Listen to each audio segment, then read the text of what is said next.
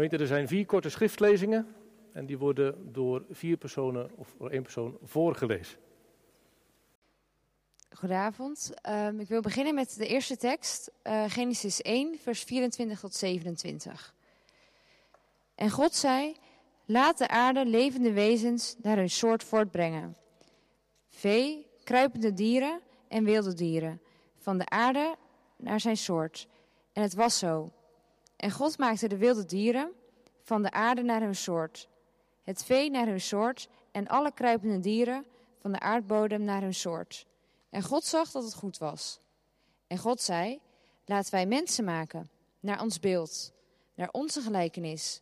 En laten zij heersen over de vissen van de zee, over de vogels in de lucht, over het vee, over heel de aarde en over al de kruipende dieren die over de aarde kruipen.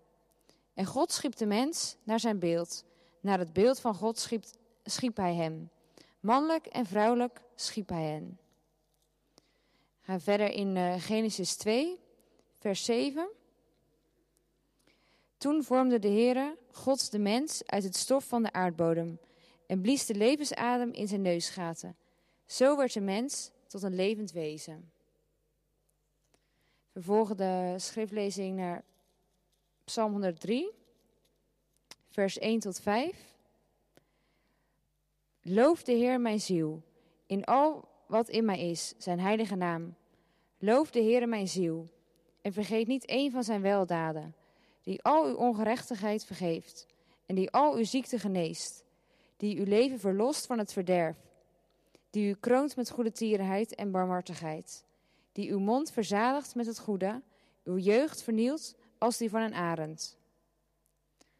En de laatste tekst komt uit Johannes 12, vers 24 en 25. Voorwaar, voorwaar, ik zeg u, als de tarwekorrel niet in de aarde valt en sterft, blijft hij alleen. Maar als hij sterft, draagt hij veel vrucht.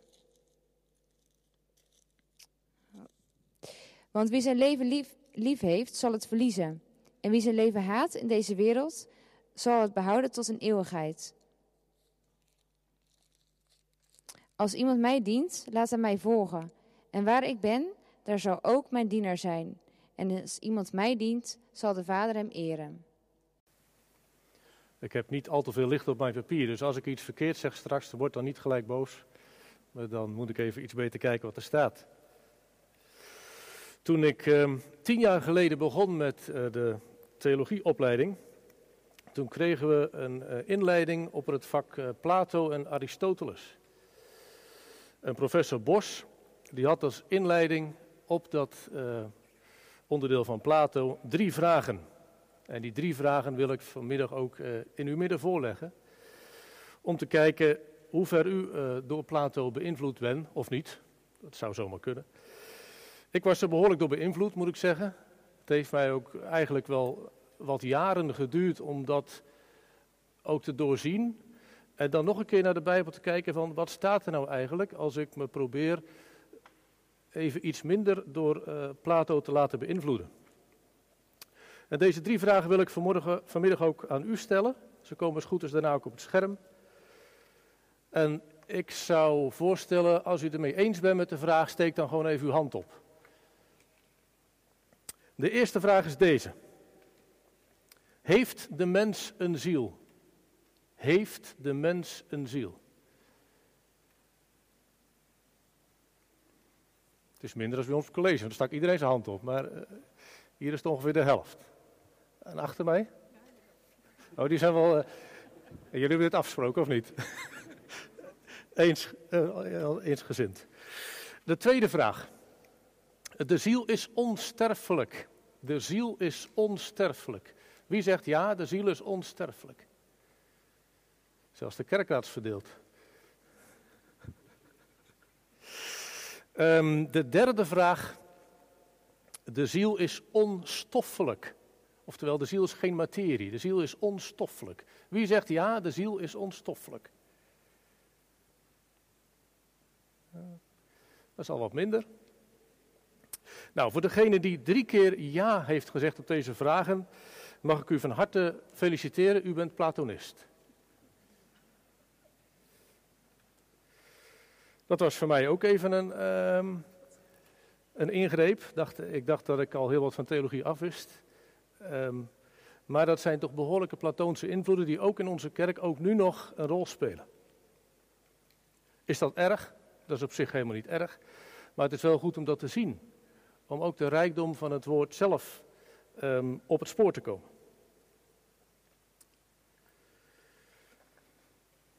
Na de verkondiging, die nog tien minuten kan duren met dank aan het muziekkoor. Nee hoor.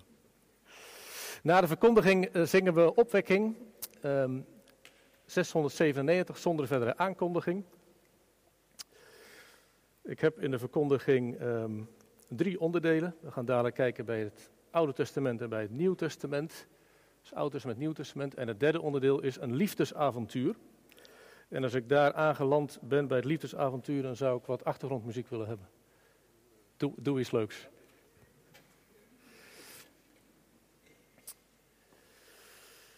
Gemeente van Christus de Gouda. Mijn ziel. Uit hoeveel onderdelen besta ik eigenlijk? Hoe verdeeld ben ik eigenlijk?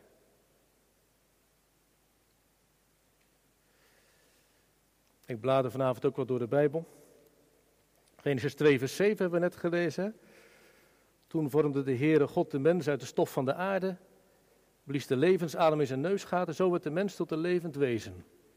Wezen, het woord voor wezen wat hier staat, dat is in het Hebreeuws nefes en dat wordt bij ons vertaald in ziel. Dus een levende ziel. En als het gaat om de vraag uit hoeveel onderdelen wij bestaan, dan kunt u zich misschien wel indenken, uh, als u een keer in een ziekenhuis komt, dat er allerlei verwijzingen staat. Dus je loopt dat ziekenhuis binnen en er staan allerlei verwijzingen naar allerlei afdelingen. En ik ben niet zo goed in onthouden, dus die heb ik even opgeschreven. Keel, neus, oorheelkunde, chirurgie, intensive care, geestelijke verzorging.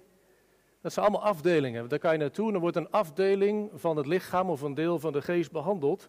Maar er is nergens een afdeling antropologie, waar heel de mens behandeld wordt. Eh, die bestaat niet in het ziekenhuis. Want als u bijvoorbeeld bij de geestelijke verzorging zit en u hebt last van uw kies, dan moet u toch echt even naar de tandarts en dat is een andere afdeling. Maar ook in de wetenschap is er diversiteit. Vroeger had de filosofie en de theologie, die hadden het wel voor het zeggen als het over de mens ging. De filosofie dacht erover na van hoe zou de mens in elkaar kunnen zitten en de theologie dacht en hoe verbinden we dat dan met God. Maar tegenwoordig zijn er allerlei wetenschappen bijgekomen. Psychologie, sociologie. Wie mag het zeggen over de mens? Wie heeft het beeld van de totale mens? Ja, misschien eigenlijk niemand. Want iedere wetenschap kijkt vanuit een bepaald perspectief naar die mens. Of let op een bepaald onderdeel van die mens. En de Bijbel, ja, in de Bijbel vinden we nou ook niet direct een onderdeel dat zegt, nou, antropologie, menskunde, dit is het, dit zijn de argumenten, en zo zitten mensen in elkaar. Ook de Bijbel is divers. Uit hoeveel onderdelen besta ik eigenlijk? Is er nog een plek waar je helemaal mens mag zijn? Helemaal? En ik zou vanmiddag willen zeggen, ja, die is er en die is hier, in Gods huis. Hier mag je helemaal mens zijn zoals God je gemaakt heeft. En de kern van de verkondiging vanmiddag is, wij zijn door God zo gemaakt dat we kunnen liefhebben. Dat we God kunnen liefhebben. Wij zijn zo gemaakt dat we met God kunnen zijn. En daar vinden we ons volmaaktheid in. We kijken dus achtereenvolgens naar het Oude Testament, het Nieuwe Testament en dan het liefdesavontuur. Het woord nefes, dus het woord ziel in het Hebreeuws, komt 757 keer voor in het Oude Testament. Dus u begrijpt dat ik ze niet langs kan gaan. Dat gaat hier niet worden. Maar we proberen wel een hoofdlijn te pakken. En daar beginnen we met Genesis 1, vers 26, die net is voorgelezen. Vanwege het licht doe ik het een beetje uit mijn hoofd. De mens is naar Gods beeld geschapen. Daar zit het in, daar zit Genesis mee in. De mens is naar Gods beeld geschapen. En dat komt niet zomaar binnen. Dat komt bij mij ook niet zomaar binnen. Want wij denken vooral dat God toch vooral naar het menselijk beeld geschapen is.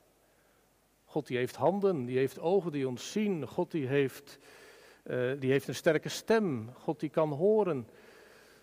Wij bedenken aan God allerlei menselijke eigenschappen toe.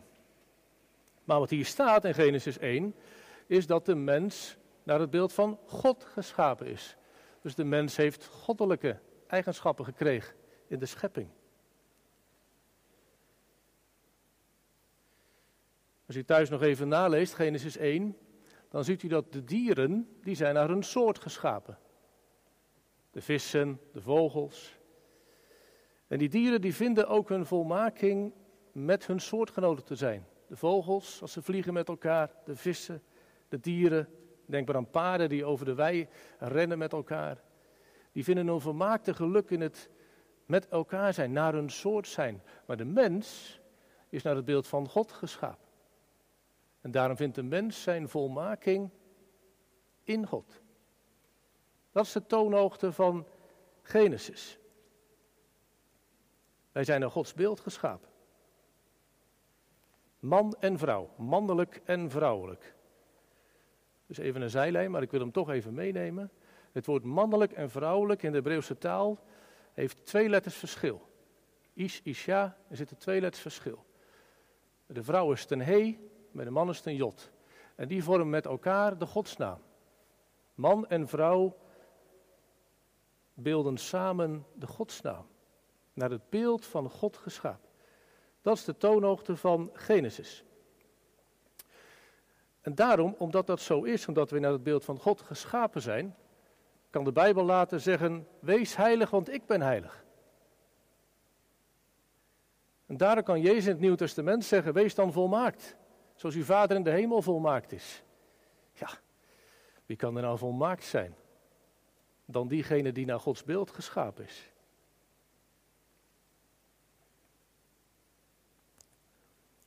Hoe zit dat na de zondeval? Ook na de zondeval wordt de mens genoemd als naar het beeld van God geschapen. Maar er verandert wel wat. Even zoeken naar wat licht. Ik lees een stukje uit Genesis 3, vers 22. En er staat een heel opmerkelijk iets. Genesis 3, vers 22 staat dat God zegt, als de mens gevallen is, zie de mens is geworden als onze één. Hij kent het goed en het kwaad. En dan zegt hij, Laat die mens niet eten van de boom van het leven, want anders zou hij in eeuwigheid leven. Dus, u hoort het goed, laat de mens niet eten van die boom van het leven, want anders zou die leven tot een eeuwigheid. Maar ja, daar zijn we toch juist mee bezig als kerk, als christenen. Leven tot een eeuwigheid, dat is toch geweldig? Nee, zegt God, niet als zondaar. Niet in de zonde eeuwig leven. Ik heb een ander plan. Deze ziel zal niet zomaar eeuwig voortleven, er moet wat nieuws gebeuren. Je zou de verkondiging zomaar kunnen samenvatten aan een heel eenvoudig kinderliedje. Stil maar, wacht maar, alles wordt weer nieuw.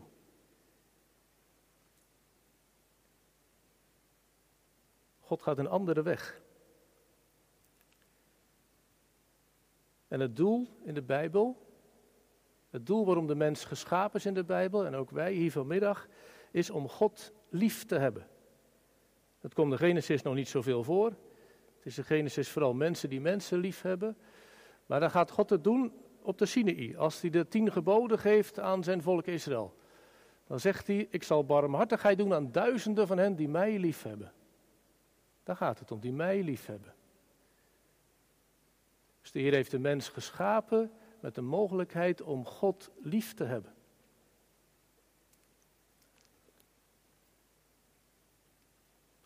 Psalm 103. Um, die is ook gezongen net.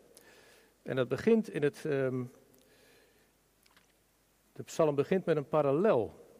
Dus je krijgt daar eerst mijn ziel. En dan zou je kunnen zeggen wat dat mijn ziel is. In de Hebreeuwse taal heb je vaak een parallel. Dus dit legt het ander uit. Dus je zou kunnen zeggen, een werkdefinitie over wat de ziel is, kan je in Psalm 103 terugvinden.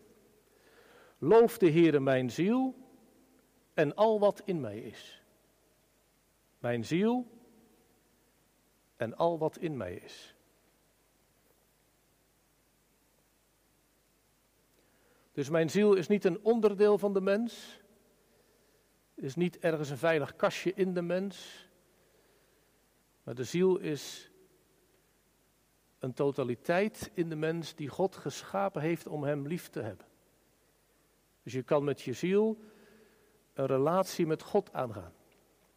En inderdaad, de Bijbel spreekt over ziel, geest, lichaam, hart. Dat vandaag ook nog gezongen. Dat zijn geen vier aparte onderdelen. Dat is een eenheid die God bij elkaar gebracht heeft. Dat is een eenheid die God zo geschapen heeft, zodat ze Hem kunnen liefhebben. God kunnen liefhebben met heel je hart, met heel je ziel, met heel je verstand, met heel je kracht. Het Oude Testament, samengevat, we zijn in Gods beeld geschapen.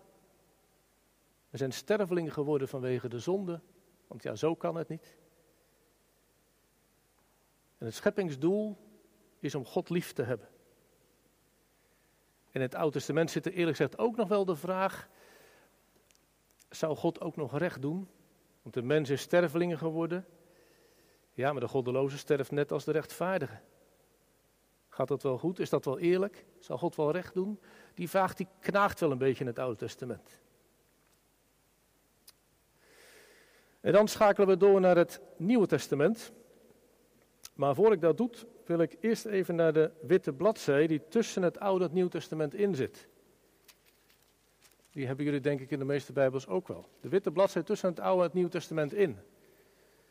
Dat is 400 jaar. En in die 400 jaar is Plato op het toneel gekomen. Een Griekse denker, een groot denker. En de invloed van Plato is enorm geweest. Kort samengevat, wat dacht Plato? Ik simpliceer, maar dat kan ook niet anders in deze dienst.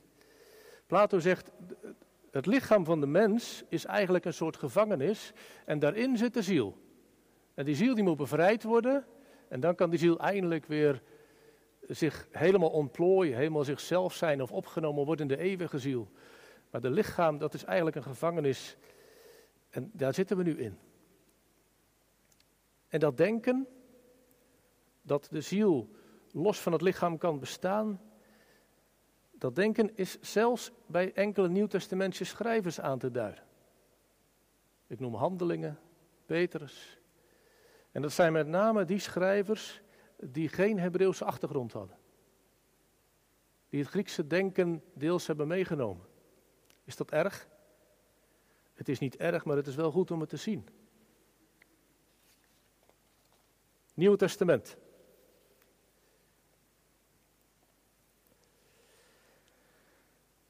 Als we beginnen aan het Nieuw Testament, dan moeten we eerst nagaan wat er daar gebeurd is.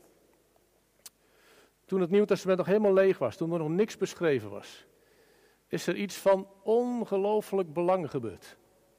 Toen was nog niets geschreven. Wat is er gebeurd? Wat is het belangrijkste van het Nieuwe Testament? Denk je? Er zijn meer mensen geboren. Wat is het belangrijkste van het Nieuwe Testament? Zit goed hoor, maar het is niet de geboorte. De opstanding. Zelfs de kruisiging, er zijn meerdere mensen gekruisigd, maar opstanding. Opstaan uit de doden. Dat is het nieuwe. En elk verhaal het Nieuw Testament, elke Bijbelvers wat u leest in het Nieuw Testament, dient u te lezen tegen die achtergrond, tegen de opstanding van Christus. De eeuwige. Dus als we Matthäus lezen over Jezus die wandelt ergens langs het meer, dan is dat niet de mens die sterven gaat, maar dan is de opgestane, de eeuwige Here, die komt tot ons in het evangelie. En die komt vanmiddag tot ons. En die opstanding van Christus, die maakt alles anders. Alles. Ook voor onze ziel. Dat God in Genesis zei, niet op deze manier, wordt in het Nieuwe Testament op deze manier. De opstanding van Christus.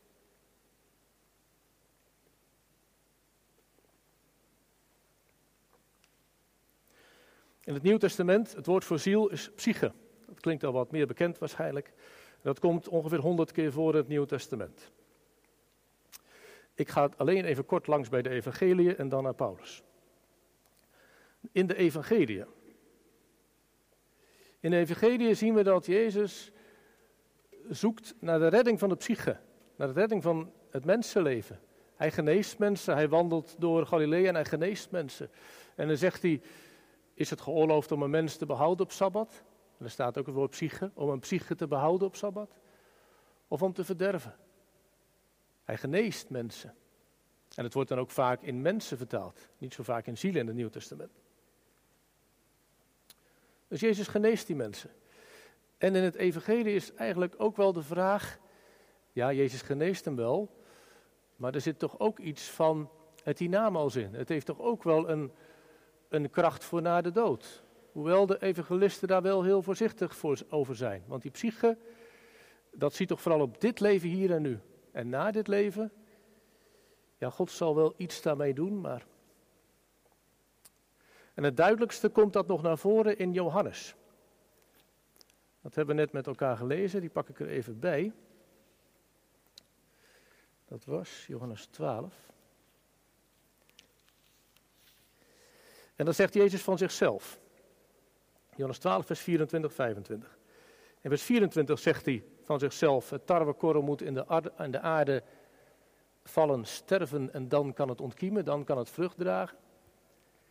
En dan vers 25, daar staat drie keer het woord leven. Twee keer het woord psyche. En het laatste keer staat er een ander woord voor leven. Dus er staat, wie zijn psyche lief heeft, die zal het verliezen. En wie zijn psyche haat in deze wereld, die zal het behouden tot het eeuwige leven. Het eeuwige leven staat los van de psyche. Dat is een leven wat God geeft. En wat is dan vernieuwend van Jezus wat hij hier zegt?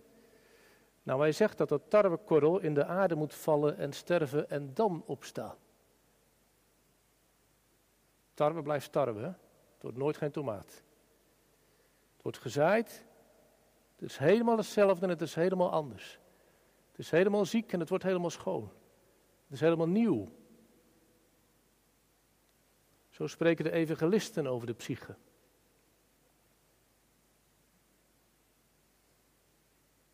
Dus ja, er is een voortgang naar dit leven, maar dat is niet dankzij onze ziel, dat is dankzij de trouw van God. En dat leven, dat is in ieder geval geen bezit. Het is niet iets eeuwigheids wat ik in mezelf heb. Nee, zeggen de evangelisten, dat eeuwigheidsleven, dat is een totaal ander leven, dat is van God. Dat is niet van ons. En dan naar Paulus. Paulus die zegt, dat nieuwe leven, dat is er, dat geloof ik ook wel, zegt hij, maar dat is geen psyche. Dat is echt iets totaal anders. je moet denk ik ongeveer wel een Paulusbekering hebben om zo radicaal te zijn. En die had hij. Dat is helemaal van de geest. Dat, dat is niet de psyche. Het lichaam, het leven wat we hier hebben, dat zal helemaal nieuw worden. We hebben nu een lichaam wat door de psyche, door onze ziel geleid wordt. We hebben straks een lichaam wat door de geest geleid wordt. Helemaal anders. Helemaal nieuw. Ja, Paulus, maar wij zijn toch wel naar het beeld van God geschapen? Ja, dat ziet Paulus ook wel. En dan zegt Paulus, kijk, wij waren naar het beeld van God geschapen. De eerste Adam, dat beeld droegen wij. Maar we zullen veranderd worden naar het beeld van de laatste Adam. We gaan het beeld van Christus dragen. In het Nieuwe Testament hadden we net gezien, het beeld van Christus is de opgestaan. Dat beeld gaan wij dragen. Niet onze psyche, maar de geest van Christus. Dus dat is, een, dat is iets wat nog wacht, wat nog komt. We dragen nu het beeld van Adam, maar wij zullen het beeld van Christus dragen. Straks. Paulus, als dat dan zo belangrijk is dat wij dat beeld van Christus gaan dragen, ehm, hoe doen we dat? Hoe dragen we het beeld van Christus? Nou, over het algemeen wordt dan gezegd in de kerk door het geloof. Dat is natuurlijk helemaal waar. Maar ik zou het vanmiddag anders willen zeggen. Door de liefde. Door lief te hebben. Kijk, toen Petrus er op een gegeven moment helemaal naast zat. En Jezus moest hem bij zich roepen. Petrus, we moeten eens praten. Toen vroeg hij niet van Petrus, geloof je me nog? Hij zegt, Petrus, heb je me lief? Dat gaat, je zou bijna zeggen, op het gevoel van de ziel. Heb je me lief? Als je tegen je vader en moeder zegt, ik geloof wel dat u mijn vader bent. Ik geloof wel dat u mijn moeder bent. Dat is toch wel een ander niveau dan dat je zegt, ik heb u lief. Want je bent mijn vader, je bent mijn moeder, ik hou van je. En persoonlijk, als het over onze ziel gaat, hebben wij God lief? Want God liefhebben is een mogelijkheid die wij in de schepping hebben meegekregen. Kijk, de dieren zijn naar een soort gemaakt. Maar wij zijn naar het beeld van God gemaakt. Wij kunnen lief hebben. Wij kunnen God lief hebben.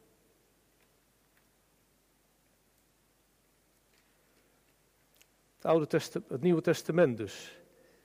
Er is eeuwig leven door de opstanding van Christus. De psyche is niet te scheiden van dit leven. Maar de dood houdt het ook niet helemaal tegen.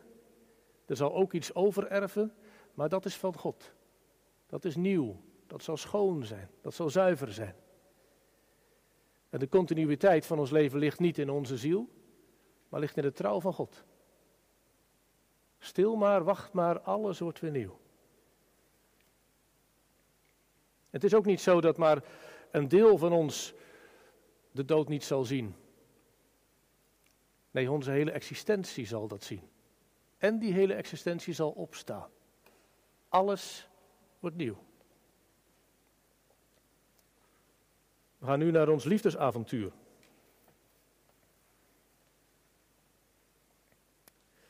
Een liefdesavontuur. Want het thema Mijn ziel. Wij zijn erop gemaakt om God te kunnen ontmoeten in Christus God te kunnen ontmoeten. Er is een verschil tussen een mens en een dier. Waarin? Dat de mens hout kan hakken, dat de mens rechtop loopt. Nee, het verschil tussen een mens en een dier is dat wij God kunnen liefhebben. Dat wij kunnen bidden. Vanmorgen ging het over Psalm 123. Ik hef mijn ogen op naar u, die in de hemel zit. Wij zijn mensen die kunnen bidden. Wij zijn mensen die geschapen zijn om met God te kunnen zijn. We zijn geschapen om verliefd te worden op God. Hoe zegt de Heer dat? U zult de Heer uw God lief hebben. Met heel uw hart, met heel uw ziel, met heel uw verstand, met heel uw kracht, zoals u totaal bent. De mens is gebouwd op liefde. Ja, God heeft heel de wereld in liefde geschapen, maar de mens heeft hij geschapen die kan antwoorden. De mens kan antwoorden op Gods liefde. En liefde is ook een bepaalde vrijheid. Je kan niet lief hebben als je gedwongen wordt. God geeft u vrijheid. Bepaalde vrijheid. Want de mens is sterfelijk. Dat is begrensd door God. Maar in dat leven heeft u een bepaalde vrijheid. U heeft de keuze om God lief te hebben.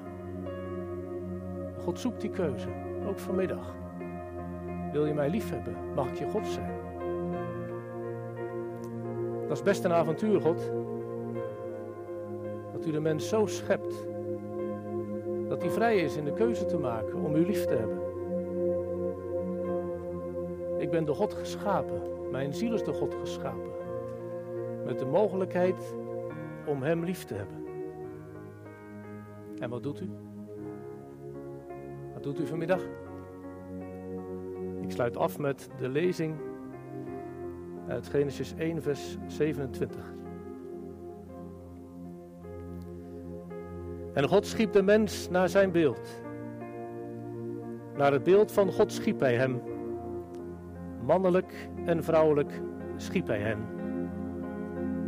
Amen.